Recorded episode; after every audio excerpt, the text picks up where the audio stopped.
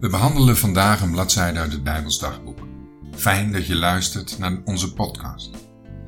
Iedere dag een korte overdenking met als doel je geloof op te bouwen en te versterken. De muziek bij deze podcast is geschreven en uitgevoerd door Jack Andrew.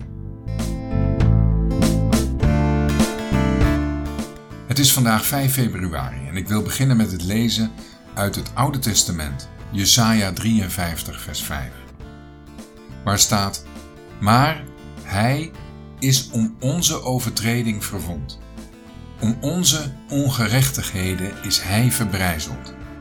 De straf die ons de vrede aanbrengt, was op hem, en door zijn striemen is onze genezing geworden. Zoals we al eerder gezegd hebben, is er een verschil tussen zonde en zonden. Dit vers in Jesaja spreekt over zonden, over zonde in het meervoud. Het gaat hier niet over de zonde, onze oude natuur, maar over onze daden of de vruchten van onze zondige natuur.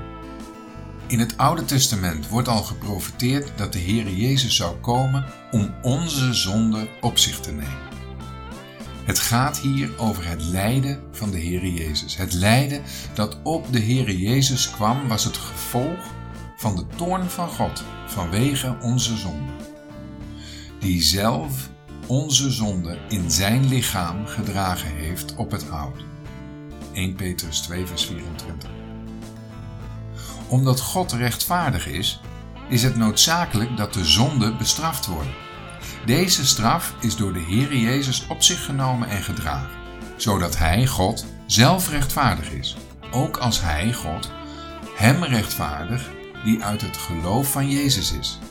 Dat is een stuk uit Romeinen 3, vers 26 in de vertaling van het MBG.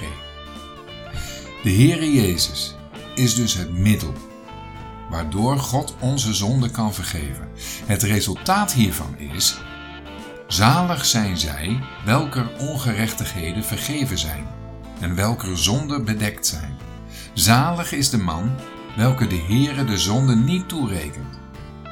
Romeinen 4, vers 7 en 8 en Psalm 32, vers 1 was dat.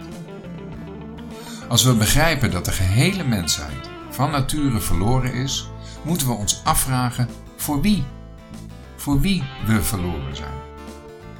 En we zijn niet het eigendom van onszelf, maar Gods eigendom. Daarom is het in de eerste plaats Gods zaak. Hij voorziet dan ook in een verlossingsplan voor deze wereld.